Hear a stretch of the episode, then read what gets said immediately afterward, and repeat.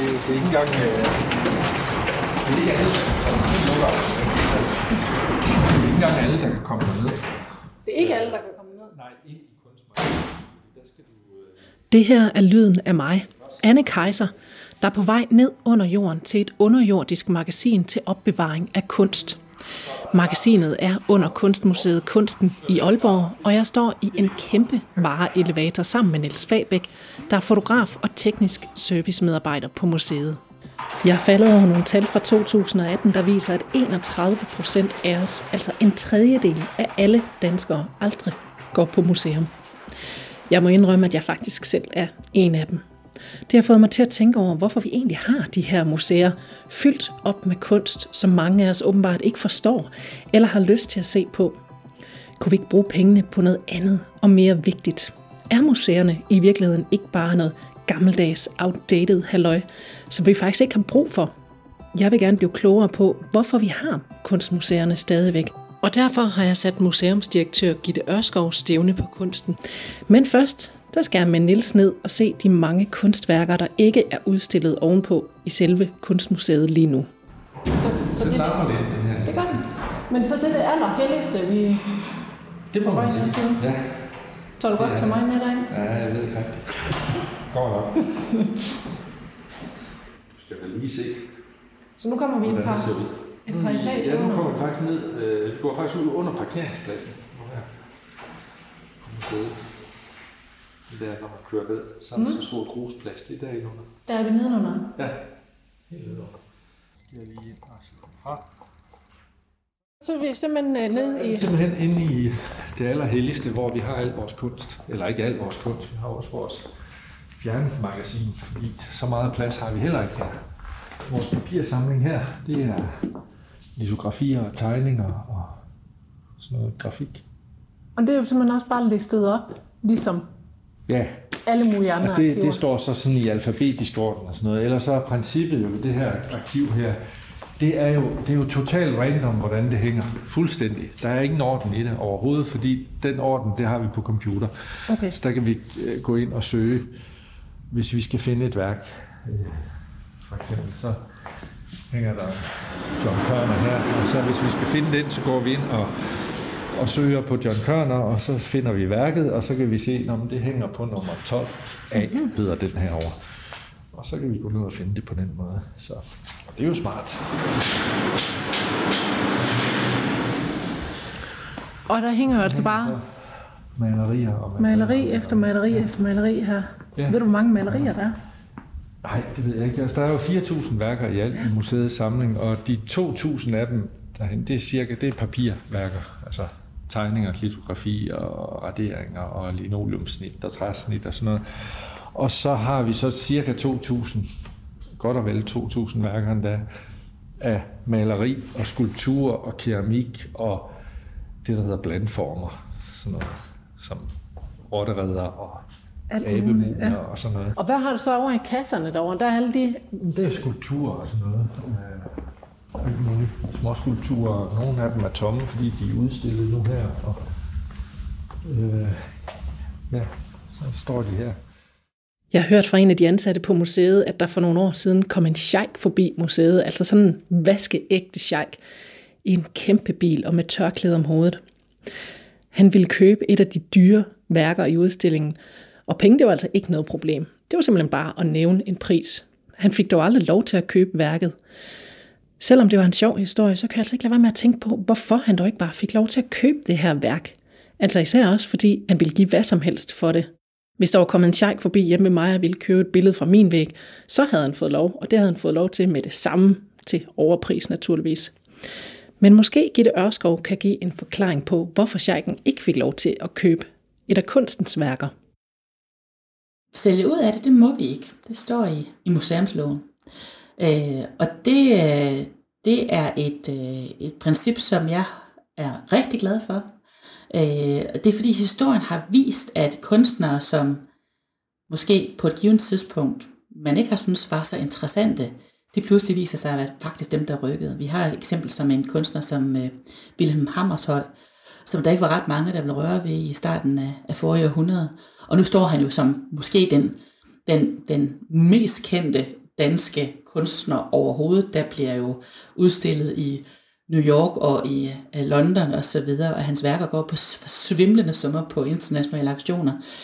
Men dengang var der jo ikke rigtig nogen danske kunstnere, som, eller øh, danske kunstmuseer, som vil erhverve øh, værker af Hammershøj. Så derfor øh, vil, er vi, vi er aldrig klogere end den fremtid, der kommer. Så hvis vi begynder at skælde ud og sige, nu sælger vi lige ud af de her, de, her, de her værker, så får vi lidt til driften, så vil vi stå her og mangle dem. Øh, det er grund til, at vi ikke sælger ud. Hvorfor, øh, altså, hvorfor skal de være på magasin? Kan de ikke bare så komme op, når nu de, de er her? Men det er der mange, øh, det er der mange grunde til, og en af grundene, som er sådan en lidt kedelige forklaring, det er, at øh, mange af de her værker, de øh, har også brug for at komme ned i mørket en gang imellem, hvor luftfugtigheden er fuldstændig perfekt, hvor der ikke er nogen mennesker omkring dem, hvor det kan stå i ro for, at vi kan bevare dem. Så der er ingen værker, altså hvis et værk er udstillet hele tiden, altså i hundredvis af år, det begynder det simpelthen også at blive slidt af. Så det skal ligesom ned og have en pause en gang imellem, hvis man kan sige det. Men så er, ja, men kan man ja. ikke restaurere de værker? Det gør man jo også. Hvis der de bliver lidt slidt i kanten, altså. Ja, det er ikke alt, du kan restaurere dig ud af. Øh, eksempelvis lys er, jo, øh, lys er jo en af de helt store syndere. Det er et kæmpe paradoks. Fordi øh, et maleri må ikke få for meget lys. Men hvis du skal udstille et maleri, så skal det have meget lys. Så det er et kæmpe paradoks, når vi skal udstille vores eksempelvis malerisamling. Øhm, så, så, så derfor har det sådan en praktisk forklaring, men det har jo også den forklaring, at, at vi er jo ikke statisk museum. Øh, det vil sige, når man kommer til os, så for, forventer vores publikum, at vi har en samling, som hele tiden tilføjer noget nyt til deres oplevelse. Vi, vi, vi hænger tit om i vores udstillinger. Vi hænger, vi hænger et øh, Wilhelm Freddis øh, sexparalyseappel, som er sådan et af vores hovedværker. Jamen lige nu er det øh, sammen med nogle andre Freddy-værker, men pludselig hænger vi det sammen med nogle, nogle andre værker, og så giver det et andet perspektiv på den. Vi flytter det et andet sted hen, vi hænger noget andet op, og det giver faktisk også sådan en, en friskhed og en, en eller en friskhed, men forskellige vinkler ind på, hvordan man kan opleve de her, hvad er det for nogle fortællinger, vi vil formidle med de her værker. Så, så derfor er jeg egentlig glad for, at vi har sådan et, også et reservoir af nogle ting, som vi kan, vi kan tage frem og gemme lidt væk, og, og vi låner eksempelvis også mange værker ud. Så derfor skal vi også hele tiden pille noget ned og, og have noget nyt og, og, og hænge op. Så det er sådan, der er sådan flere forklaringer på, at vi ikke udstiller alting øh, altid. Så magasinet er altså et sted, hvor de værdifulde kunstværker lige kan få en lille pause fra rampelyset. Med min tur i magasinet med Niels Fabæk, der står det meget klart, at der bliver passet godt på værkerne. Ingen må røre ved værkerne uden plastik. Ingen må røre ved værkerne uden plastikhandsker på. Også selvom det er en stor skulptur af jern, men det er ikke altid, at kunstnerne selv tager det så højtidligt. Og så er det lidt sjovt nogle gange, når vi kommer, sådan, hvis man arbejder med nutidige kunstnere. For eksempel Kvium havde vi øh, en stor udstilling med, og så det der værk, der står over bagved der Social Dream Painting det var lidt løst i lærredet, og så sagde de, jamen det ordner vi lige, sagde han så. Og så gik han ellers hen, så tog han hammer, og så tog han ellers fat i billedet der, og så fik den ellers nogle tæsk, ikke? Men det var så Ej. ham selv, ikke? Ej. Så det måtte han jo så selv om. Men øh, det vil vi jo aldrig gøre. Vi vil stå forsigtigt med hvide handsker og sådan rundt. Og, ja, lirk, ja. lirk lidt frem og tilbage på det. Men når man så har de her omkring 4.000 værker her, så tænker jeg, om, om det ikke kunne være, om der ikke kunne være noget rimelighed i at sige, at tak, så nu har vi også nok værker her. Mm. Vi behøver ikke have mere. Brug pengene på nogle øh, sygehuse, hvor det kan redde liv, eller i skolevæsenet, hvor det kan altså, gøre gavn for, for elever og for lærere, bedre arbejdsvilkår osv. Altså, og fremme samfund på den måde, i stedet for det, at det, der bare bliver et magasin fyldt op med flere og flere værker. Jo, hvis det var sådan, øh, men sådan er det rent faktisk ikke. Øh, det er jo sådan, at øh, driften af, af vores museum, vi, vi, får, øh, vi får driftsstøtte af Aalborg Kommune, og vi får noget statsstøtte. Det udgør cirka 30-35 procent af vores øh, omsætning. Og det betyder, at de penge, som vi bruger til at købe værker for, det er øh, private fondspenge øh, langt hen ad vejen. Øh, fordi at hver gang vi skal ud og erhverve et værk, så skal vi også lave en fondsansøgning. Øh, eller vi skal ud og overtale nogen til at donere værket til os. Så det er ikke sådan, at øh, det er, at det er øh, skatteydernes penge, som bliver hældt ind i et tilfældigt maleri, som lige kommer ind fra højre. Det er faktisk nogen, der tager et aktivt valg. De penge, vi får af, af, af, af både kommune og stat, jamen, de er med til, at vi overhovedet sådan, altså, at vi kan åbne døren for vores publikum, at vi kan give gratis entré til øh, alle børn i hele landet. Øh, det er det, de bliver brugt til. Resten skal vi altså selv skaffe i form af at tjene dem og, og, og fundraise og få nogle sponsorer ind og, og hjælpe os med det. Det er ikke så tit, jeg har en kunsthistoriker og museumsdirektør på Tomands hånd. Så jeg synes også, jeg bliver nødt til at snakke med Gitte om, hvad kunst er, og hvorfor det faktisk er så svært at forstå. I hvert fald for mig. Når jeg sådan går rundt og kigger på kunst på et museum, så er der altså noget kunst, jeg simpelthen ikke forstår. Indtil jeg kommer til de ting, hvor jeg kan se, hvad det er. Altså, hvorfor har vi det kunst, som man alligevel ikke forstår? Vi har jo så meget forskellig kunst. Det er også derfor, det er en fordel at, at have nogle kunstmuseer, hvor man kan se, hvor forskellig kunst er. At, at der er mange forskellige medier, der er mange forskellige udtryksformer. Øh, fordi det netop er en, altså det er en mangfoldighed. Det er ofte det der, det man måske undres over, eller det der også er en vis modstand i, er noget af det, man også godt faktisk kan tage, tage med sig hjem. Øhm, og det, altså, kunst er jo ikke noget eksakt videnskab. Der er folk, som virkelig, virkelig øh, holder utrolig meget af øh, Michael Kvium eller Per Kirkeby, hvis jeg tager nogle af de sådan store danske kunstnere. Øh, og der er andre, som ikke kan holde det ud, som synes, det er forfærdeligt.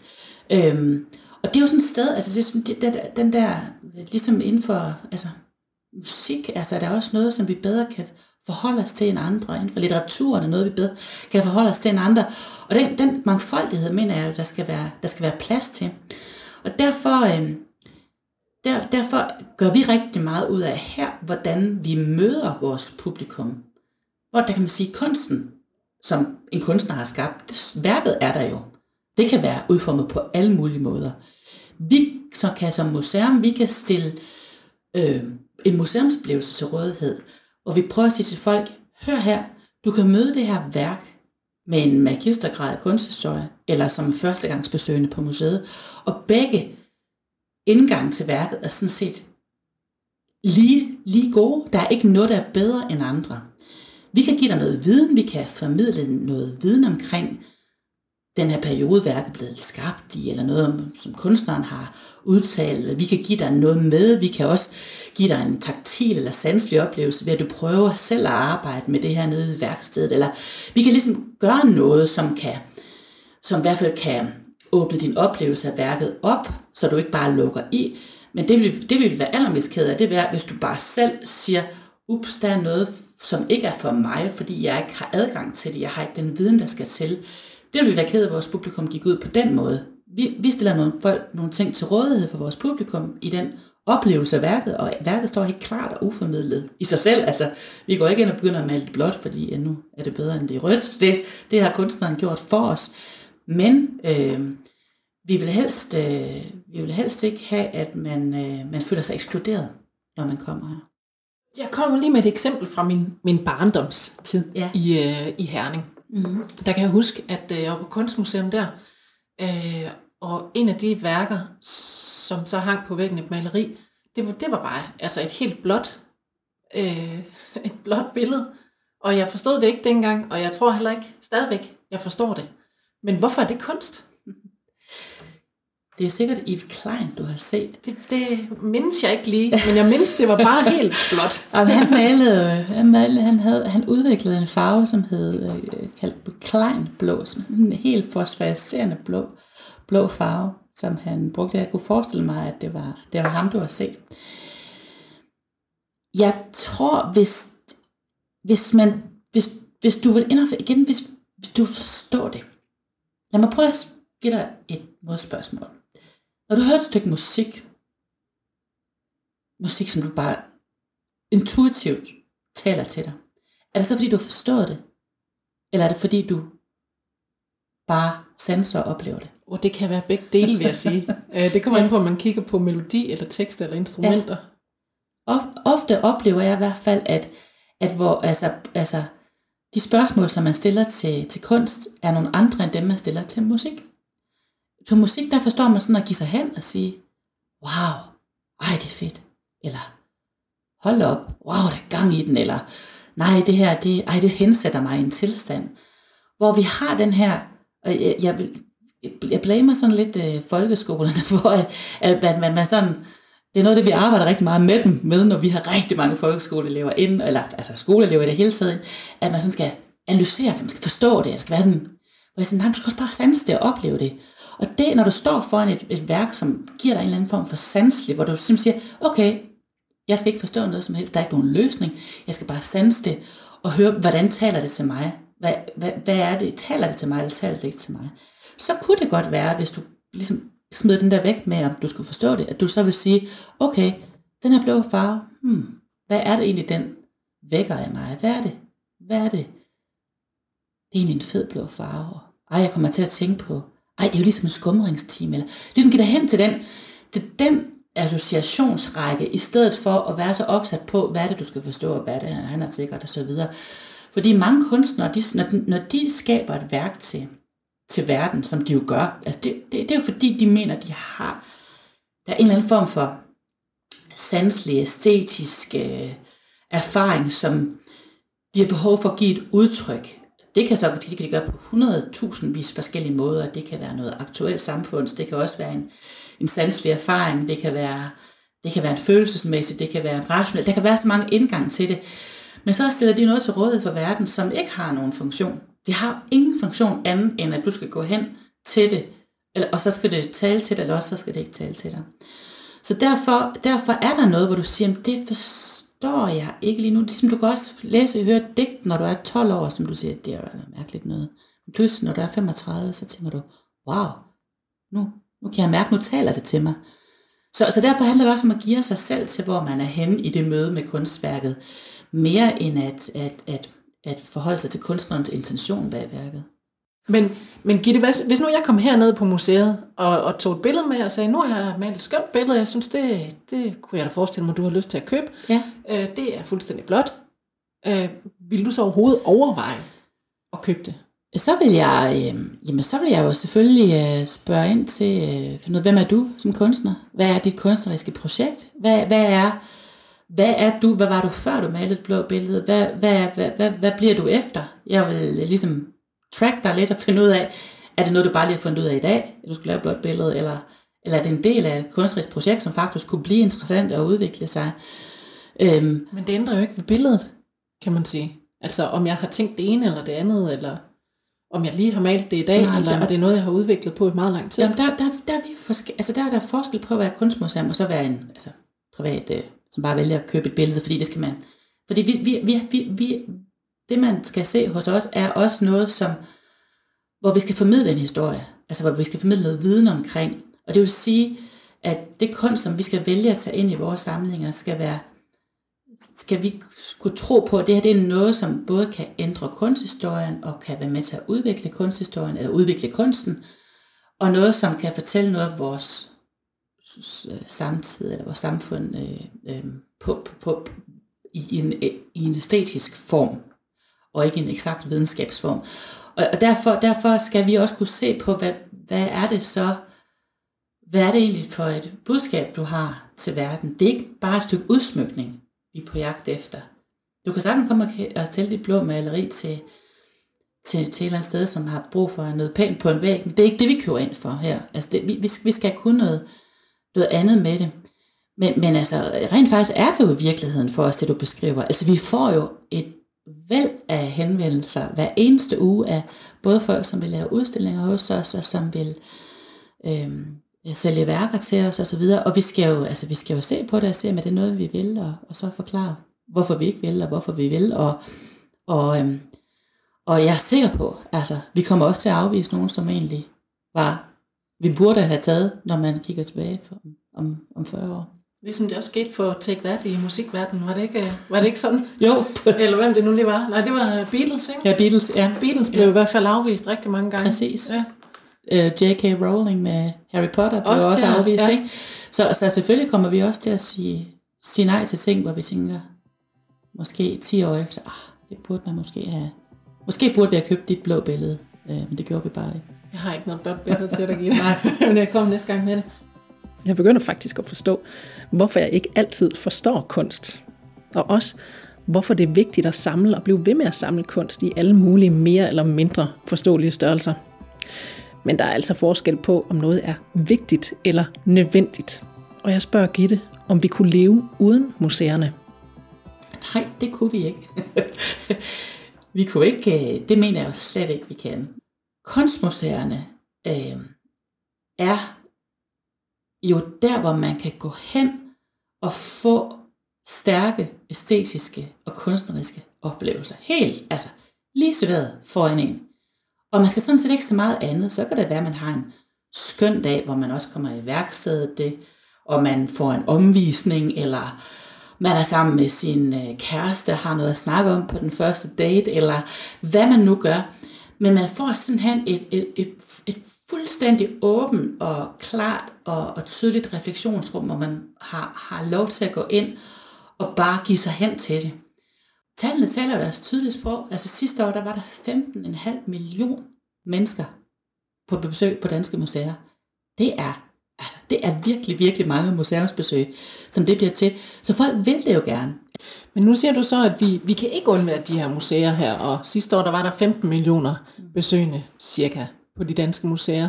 Men jeg har altså også et tal fra sidste år. Det er en undersøgelse, undersøgelse fra Seismonaut øh, fra 2018, som viser, at 31 procent, altså en tredjedel af os øh, cirka, aldrig går på museer.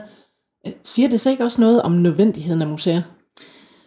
Øh, jamen, hvor mange, hvor mange går, er egentlig inde og ser håndbold? Hvor mange procent af Danmarks befolkning tager egentlig ind i en halv og ser håndbold? Jeg tror, du har et meget, meget, meget større procenttal af folk, som ikke går ind i en hal og ser håndbold. Hvis du kigger på fodboldstadions, hvor mange kommer der der? Det er jo en brøkdel af, hvad der kommer på museerne. Men det betyder ikke, at vi ikke skal have håndbold i Danmark, at vi ikke skal støtte talentudvikling inden for håndbold i Danmark, at vi ikke skal bruge masser af penge på os, når Danmark landshold skal ud, og vi skal se håndbold i fjernsynet osv. Og det mener jeg faktisk, altså, at vi, vi, vi kan ikke lave et samfund, hvor vi sådan laver sådan en put and take og siger, jamen, jamen det er jo ikke en jukebox, hvor du siger, jeg vil museer, og jeg vil håndbold. Altså, der skal være plads til det hele. Og nu bruger jeg så håndbold som, som eksempel, fordi nu, nu, nu er at det jo... Øh, øh, altså, det, der er rigtig mange, som godt kan lide at se håndbold på fjernsyn. Der er også rigtig mange, der spiller ned i hallen. Der er ikke så mange, der kommer og kigger på de der kampe, når man, når man, når man ser på, hvad der er rundt omkring. Så, så derfor, derfor skal vi bare anerkende, at vi er et samfund, som har mange forskellige øh, tilbud til vores borgere, og at man kan være menneske på mange forskellige måder med mange forskellige interesser.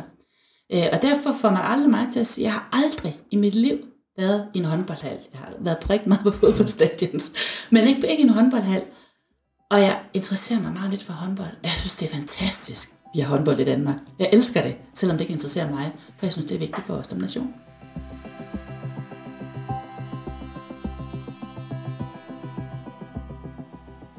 Vi har brug for, at der er ligesom et maskinrum, der fungerer. Altså det er med på, at vi skal have nogle skoler, vi skal have nogle veje og alt det der. Ikke? Men vi har også brug for, som samfund og som mennesker og som kultur og som nation, at have noget, vi er fælles om. Det vil sige, hvis vi ikke havde haft, altså, hvis vi ikke havde haft den her historie, hvor vi kan se tilbage på, hvis vi ikke havde haft en hos Andersen, hvis vi ikke havde haft en Hammershøj, hvis vi ikke havde haft ja, en nogle visionære folk, som lavede nogle fede museer, teater og så videre, jamen, så ville vi jo bare stå der og kigge på hinanden, og så være glade for, når vi skulle på hospitalet en gang imellem. Så vil jeg lige sætte alarmen til igen hernede. Ja, så kigger jeg væk imens. Mens Nils og jeg låser af og forlader det underjordiske magasin, så ærger jeg mig over, at jeg tilhører de her 31 procent, der aldrig går på museum. Jeg må erkende, at jeg simpelthen har misforstået museerne før. Når jeg ikke har forstået kunst, så er det faktisk helt okay, for det er ikke det, der er meningen med kunsten. Kunst er ikke noget, man forstår, men noget, man føler og oplever. Både på godt og ondt, ligesom håndboldkampen, eller musikken, maden, kysset, eller alt det andet, der gør livet til det, det er.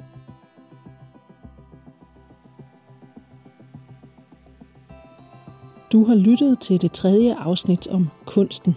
Hvis du ikke allerede har gjort det, kan du lytte til de to andre afsnit. Det første handler om den nærmest ikoniske museumsdirektør for kunsten i slutningen af 60'erne og 70'erne, Lars Rostrup Bøjesen. Og i det andet afsnit gennemgår vi Kunstmuseet Kunstens historie op igennem tiden. God fornøjelse.